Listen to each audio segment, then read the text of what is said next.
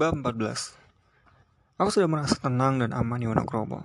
Robert tak pernah kelihatan, Mama dan Alice tak mengindahkannya. Kalau begitu bukan berarti aku harus merasa telah menggantikan kedudukannya. Segala daya kurahkan untuk mengesani orang luar rumah. Aku bukan bandit, juga bukan bermaksud membandit. Dan bahwa aku hanya seorang tamu yang setiap waktu harus pergi. Dan malam sehabis belajar ini sengaja aku tidak menulis ada keinginan meneruskan belajar setelah istirahat. Tak tahu aku mengapa sekarang aku aja belajar. Ingin maju di sekolahan yang pasti bukan karena dorongan keluarga atau analis.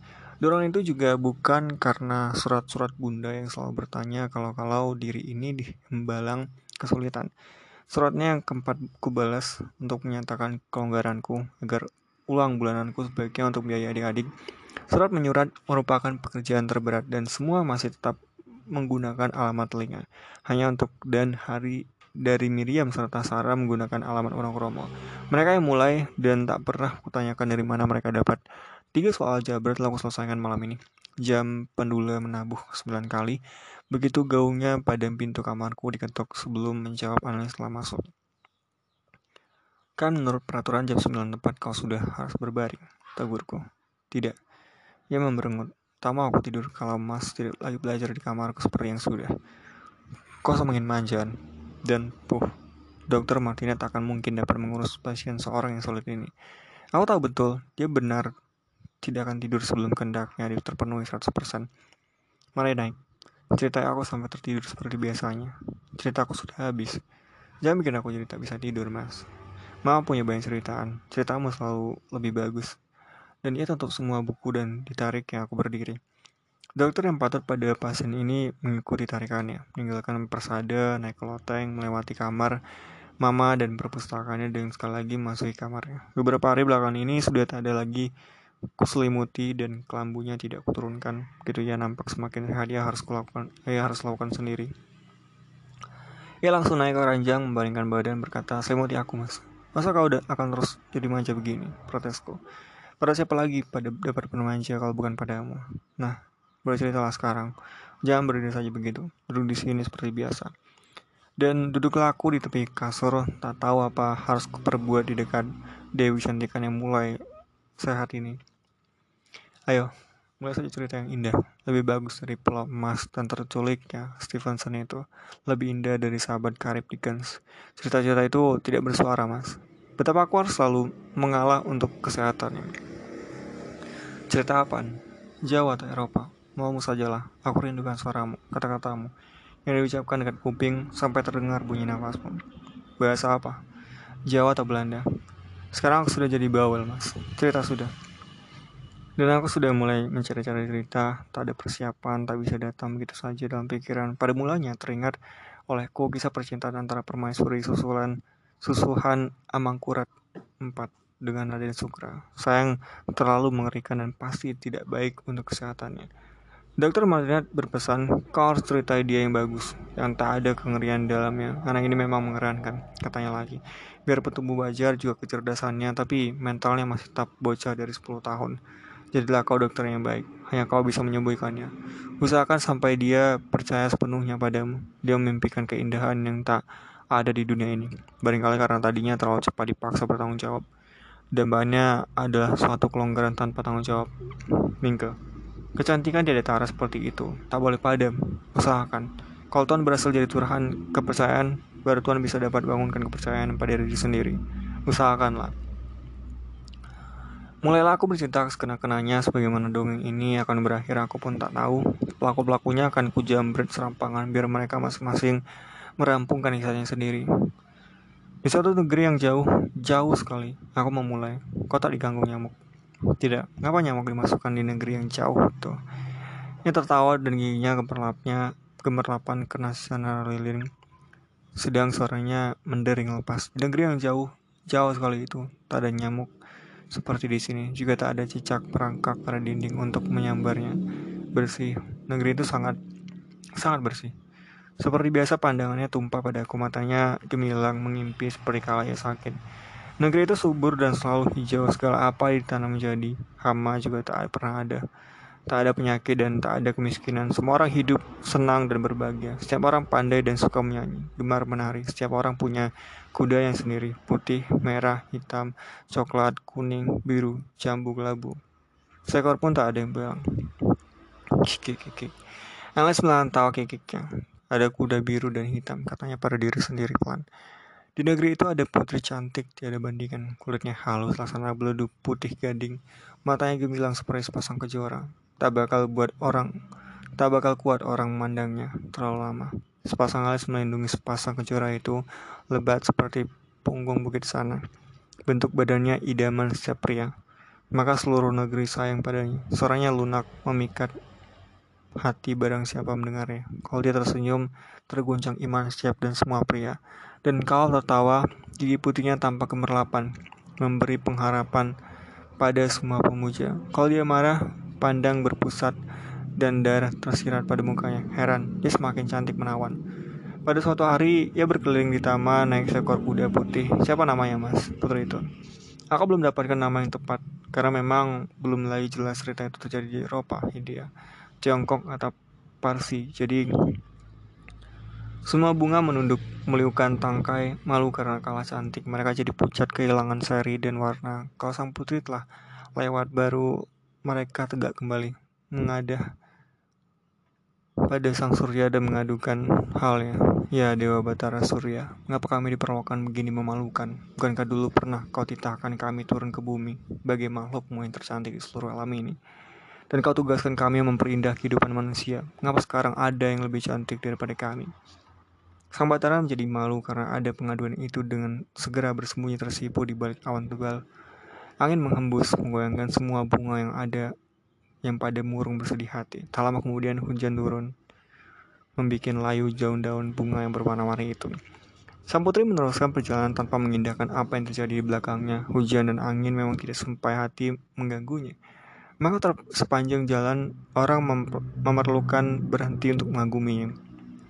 Kulihat analis telah memejamkan mata, aku ambil sapu ranjang dan kuusir nyamuk untuk kemudian menurunkan kelambu. Mas panggilnya, membuka mata dan memegangi tanganku. Menengah, menengah aku meneruskan niatku. Aku duduk lagi cerita terputus. Aku gagap-gagap mencari sambungannya. Iya, sang putri berkendara terus di atas kudanya. Semua orang yang memperhatikan merasa betapa akan berbahagia diri bila para dewa mengubahnya jadi kuda tunggangan sang putri. Tapi sang putri itu sendiri tak tahu perasaan mereka. Ia merasa dirinya tak beda dari yang lain. Ia tidak pernah merasa cantik, apalagi cantik luar biasa tanpa tandingan. Siapa nama putri itu? Ya, namanya, uh, namanya. Ia mendesak. Tidakkah namanya Analis? ya, ya, Analis, Analis. Dan ceritaku berbelok pada dirinya. Pakaiannya bermacam-macam. Yang paling disukainya gaun malam dari beludu hitam. Yang dipakainya sebarang waktu. Sang putri merindukan suatu percintaan yang indah, lebih lebih indah daripada yang pernah dimasyurkan terjadi di antara para dewa dan dewi di kayangan. Ia merindukan datangnya seorang pangeran yang gagah, ganteng, perwira, lebih agung daripada para dewa. Dan pada suatu hari terjadilah. Seorang pangeran yang dirindukannya benar-benar datang. Dia memang ganteng, juga gagah, hanya dia tak punya kuda sendiri. Malahan tak dapat naik kuda. Alice mengikuti dia datang dengan dokar sewaan sebuah kerper. Pada pinggangnya tidak tergantung pedang karena ia tak pernah berperang. Padanya hanya ada pensil, tangkai pena, dan kertas. Alice tertawa lagi dan tekan. Ngapa tertawaan? Minka kah nama pangeran itu? Memang Minka. Alice menutup mata, tangannya tetap memegangi lenganku. Takut aku tinggalkan. Sang pangeran itu datang, masuk ke istana sang putri seakan habis menang perang. Mereka berdua pun bercengkrama. Sang putri segera jatuh cinta padanya tidak bisa lain. Tidak protes analis. Sang pangeran menciumnya lebih dahulu. Iya, hampir sang pangeran lupa. Yang mencium sang putri lebih dulu. Dan sang putri mengadu pada ibunya. Bukan mengadu supaya sang pangeran dimarahi ibunya, mengadu agar ibunya membenarkan sang pangeran. Tapi ibunya tidak menggubris. Sekali ini ceritamu ngawur mas. Ibunya bukan saja tidak menggubris, lebih daripada menggubris. Sang ibu marah. Benar, sang ibu marah. Apa katanya? Dia bilang, mengapa mengadu? Kan kau sendiri yang mengharap dan menunggu di ciumannya. Sekarang aku yang tak dapat menahan tawaku agar tersinggung buru-buru ceritaku teruskan. Betapa bodohnya sang pangeran dia sudah dua kali ngawur. Sebenarnya sang putri memang mengharap dan menunggu ciuman. Bohong, dia tidak mengharap, juga tidak menunggu. Dia sama sekali tidak pernah menduga. Seorang pangeran datang, dia bisa naik kuda, malah pada kuda takut. Dia datang, tahu-tahu mencium. Dan sang putri tidak berkeberatan. Ya, sampai-sampai sandalnya ketinggalan. Bohong. Kau bohong, mas. Ditariknya lenganku keras-keras memperas jalannya kebenaran yang tidak tempat. Dan terjatuhlah aku dalam kelunakan pelukannya, jantungku mendadak berdebaran ibarat laut diterjang angin barat. Semua darah tersembur ke atas pada kepala, merengkukan kesadaran tugasku sebagai dokter. Dengan sendirinya aku membalas pelukannya dan aku dengar ia terengah juga napasku sendiri, atau barangkali hanya aku sendiri yang dimiliki. Demikian, sekalipun tak kusadari, dunia alam terasa hilang dalam ketiadaan yang ada hanya dia dan aku yang diperkosa oleh kekuatan yang mengubah kami jadi sepasang binatang purba. Dan kami tergolek tanpa daya berjajar kehilangan suatu seluruh alam mendadak menjadi sunyi tanpa arti debaran jantung rasa padam gumpalan-gumpalan hitam bermunculan dalam antariksa hati. Apa semua ini? Dan Alias memegangi tanganku lagi membisu dan kami diam-diam seperti bermusuhan bermusuhan. Menyesal mas. Hanya waktu aku mengembuskan napas dan aku menyesal, terpelajar yang mendapat amanat sebagai dokter, gumpalan-gumpalan hitam semakin merajalela dan memang ada sesalan lain tanpa semauku sendiri. Anies menuntut jawaban, dia duduk dan mengacung dan mengguncangkan badanku, mengulangi pertanyaan yang tidak pernah kukira kekuatannya demikian hebat. Jawabanku hanya hembusan napas, lebih panjang. Ia dekatkan mukanya padaku untuk meyakinkan diri. Aku tahu yang membutuhkan jawaban itu. Bicara mas, tututnya. Tanpa melihat padanya aku bertanya, benarkah aku bukan lelaki pertamaan yang meronta, menjatuh, menjatuhkan diri, menghadap ke dinding, menunggungi aku. Ia tersedan-sedan pelan, dan aku tak menyesal telah mengasarinya dengan pertanyaan yang menyiksa. Ia masih juga tersedan-sedan dan aku tak menanggapi. Kau menyesal, mas. Kau menyesal.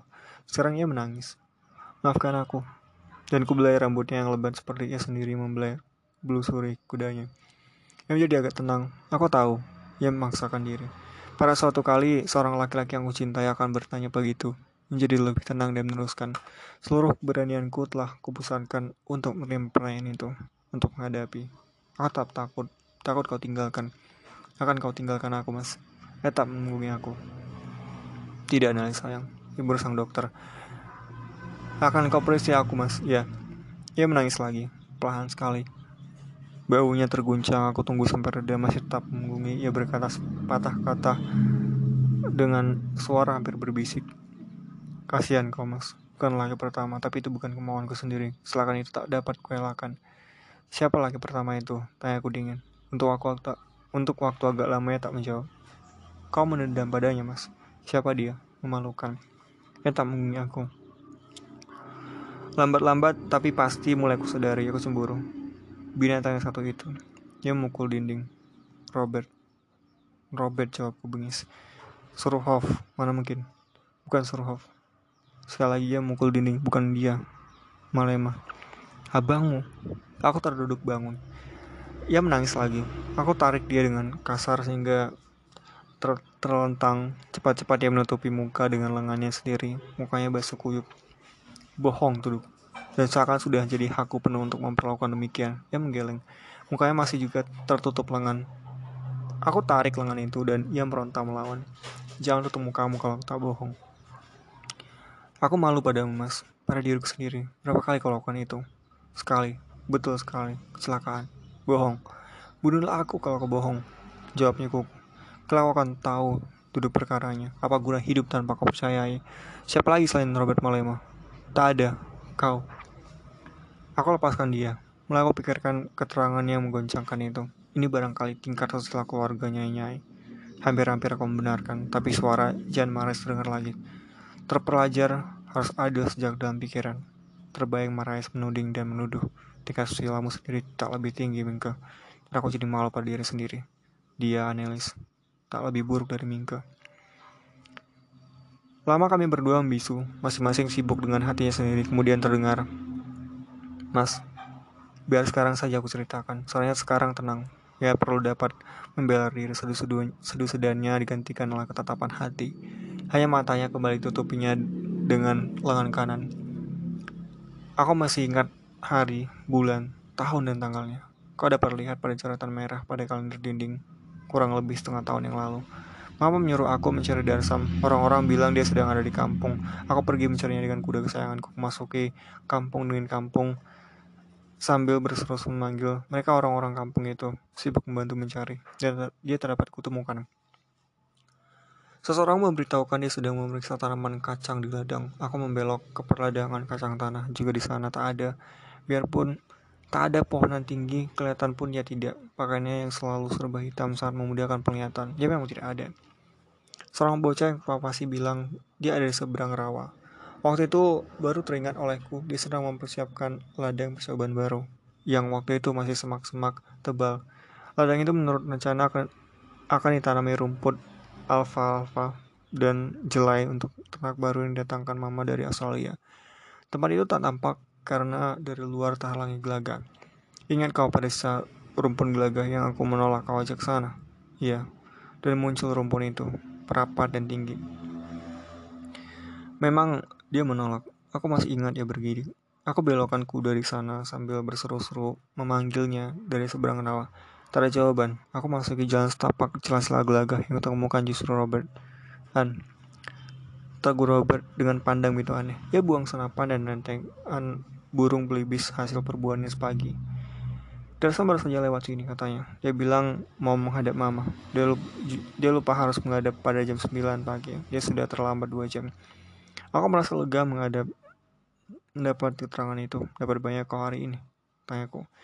Dia ambil kembali rentengan belibis dan kuperlihatkan pada diperlihatkannya padaku. Ini belum apa-apa, katanya katanya lagi. Biasa saja, hari ini aku dapat binatang aneh. Turunlah.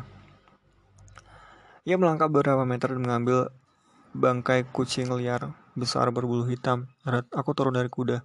Bukan sembarang kucing katanya. Barangkali ini yang dinamai belacan. Aku sapu-sapu bulu halus kurban yang dipungkul, yang terpukul pada kepalanya itu. Memang tidak kutembak. Sedang enak tidur melingkar di bawah pohon dan kebuk sekali mati. Tangannya yang kotor megangi bahuku dan aku marahi. Dia merangsang aku. Mas, seperti kerbau gila, karak hidup, kehilangan keseimbangan aku jatuh dalam gagahan. Sekiranya waktu itu ada tunggul gelagat aja matilah aku tertembusi. Ia menjatuhkan dirinya padaku, dipeluknya aku dengan tangan kirinya sekaligus menyumbat mulutku. Aku tahu akan dibunuh, dan aku meronta, mencakari mukanya. Otot-ototnya kuat tak dapat aku lawan. Aku berteriak-teriak memanggil mama dan dalam suara itu mati di balik telapak tangannya. Pada waktu itu, aku baru mengerti peringatan mama. Jangan dekat pada abangmu, sekarang aku baru mengerti hanya sudah terlambat. Sudah lama mama menyindirkan kemungkinan dia rakus akan warisan papa. Kemudian ternyata olehku dia hendak perkosa aku sebelum membunuh. Ia sobeki, pak ia sobeki pakaianku, mulutku tak tersumbat dan kudaku meringkik-ringkik keras. Betapa sekarang ku pinta pada kudaku untuk menolongku kulitkan kedua belah kakiku seperti tambang. Tapi ya urai dengan lutut yang perkasa, kecelakaan itu tak dapat dihindarkan. Kecelakaan, mas. Dan agak lamanya terdiam. Aku tak menengahi, hanya memindahkan ceritanya dalam bayanganku sendiri. Kuda itu meringkik lagi mendekat dan menggigit pantat Robert. Abangku memiliki kesakitan melompat. Kuda itu memburunya sebentar. Ia lari keluar dari gelagapan, gelagahan. Ia pungut senapannya dan lari keluar pula. Aku tembak dia. Tak tahu aku kenapa tidak. Dari kejatuhan, dari kejauhan nampak olehku celananya berdarah-darah dan meleleh pada pipanya. Bekas gigatan kuda. Senapan lempar, badanku sakit semua, darah terasa asin pada mulutku. Tak mampu lagi aku naik ke atas punggung bauk. Mendekati kampung, aku paksa naik juga untuk menutupi pakaian yang koyak-koyak. Analis, seruku dan kupeluk dia. Aku percayaan, aku percaya. Kepercayaan mas adalah hidupku, mas. Itu aku tahu sejak semula. Agak lama kami terdiam lagi. Waktu itulah aku menjadi ragu pada pesan dari Dr. Martinet. Dia cukup dewasa. Dia tahu membela diri walau gagal. Dia mengenal makna mati dan kepercayaan. Kau tak mengadu pada mama. Apa kebaikannya? Keadaan tidak akan jadi lebih baik. Kalau mama tahu Roy pasti dibinasakan oleh Darsam. Dan semua akan binasa. Juga mama, juga aku. Orang tak akan menyukai perusahaan kami lagi. Rumah kami akan menjadi rumah setan. Semua kata-katanya belakangan terasa kuat, tapi tiba-tiba kekuatan itu lenyap. Ia memeluk aku dan menangis lagi, menangis lagi. Benar atau salah aku ini, mas? Aku balas pelukannya, dan tiba-tiba jantungku berdeburan di terpangin timur. Satu ulangan telah memaksa kami menjadi sekelamin binatang purba, sehingga akhirnya kami tergolek. Sekarang gumpalan hitam tidak memenuhi antariksa hatiku, dan kami berpelukan kembali seperti boneka kayu. Anles itu tertidur. Samar setengah sadar, terasa olehku mama masuk, berhenti sejenak di depan ranjang, mengusir nyamuk, bergumam, berpelukan seperti dua seekor kepiting. Setengah juga, setengah jaga, setengah mimpi, kurasa perempuan itu menyelimuti kami, menurunkan kelambu, memadamkan lilin, kemudian keluar sambil menutup pintu.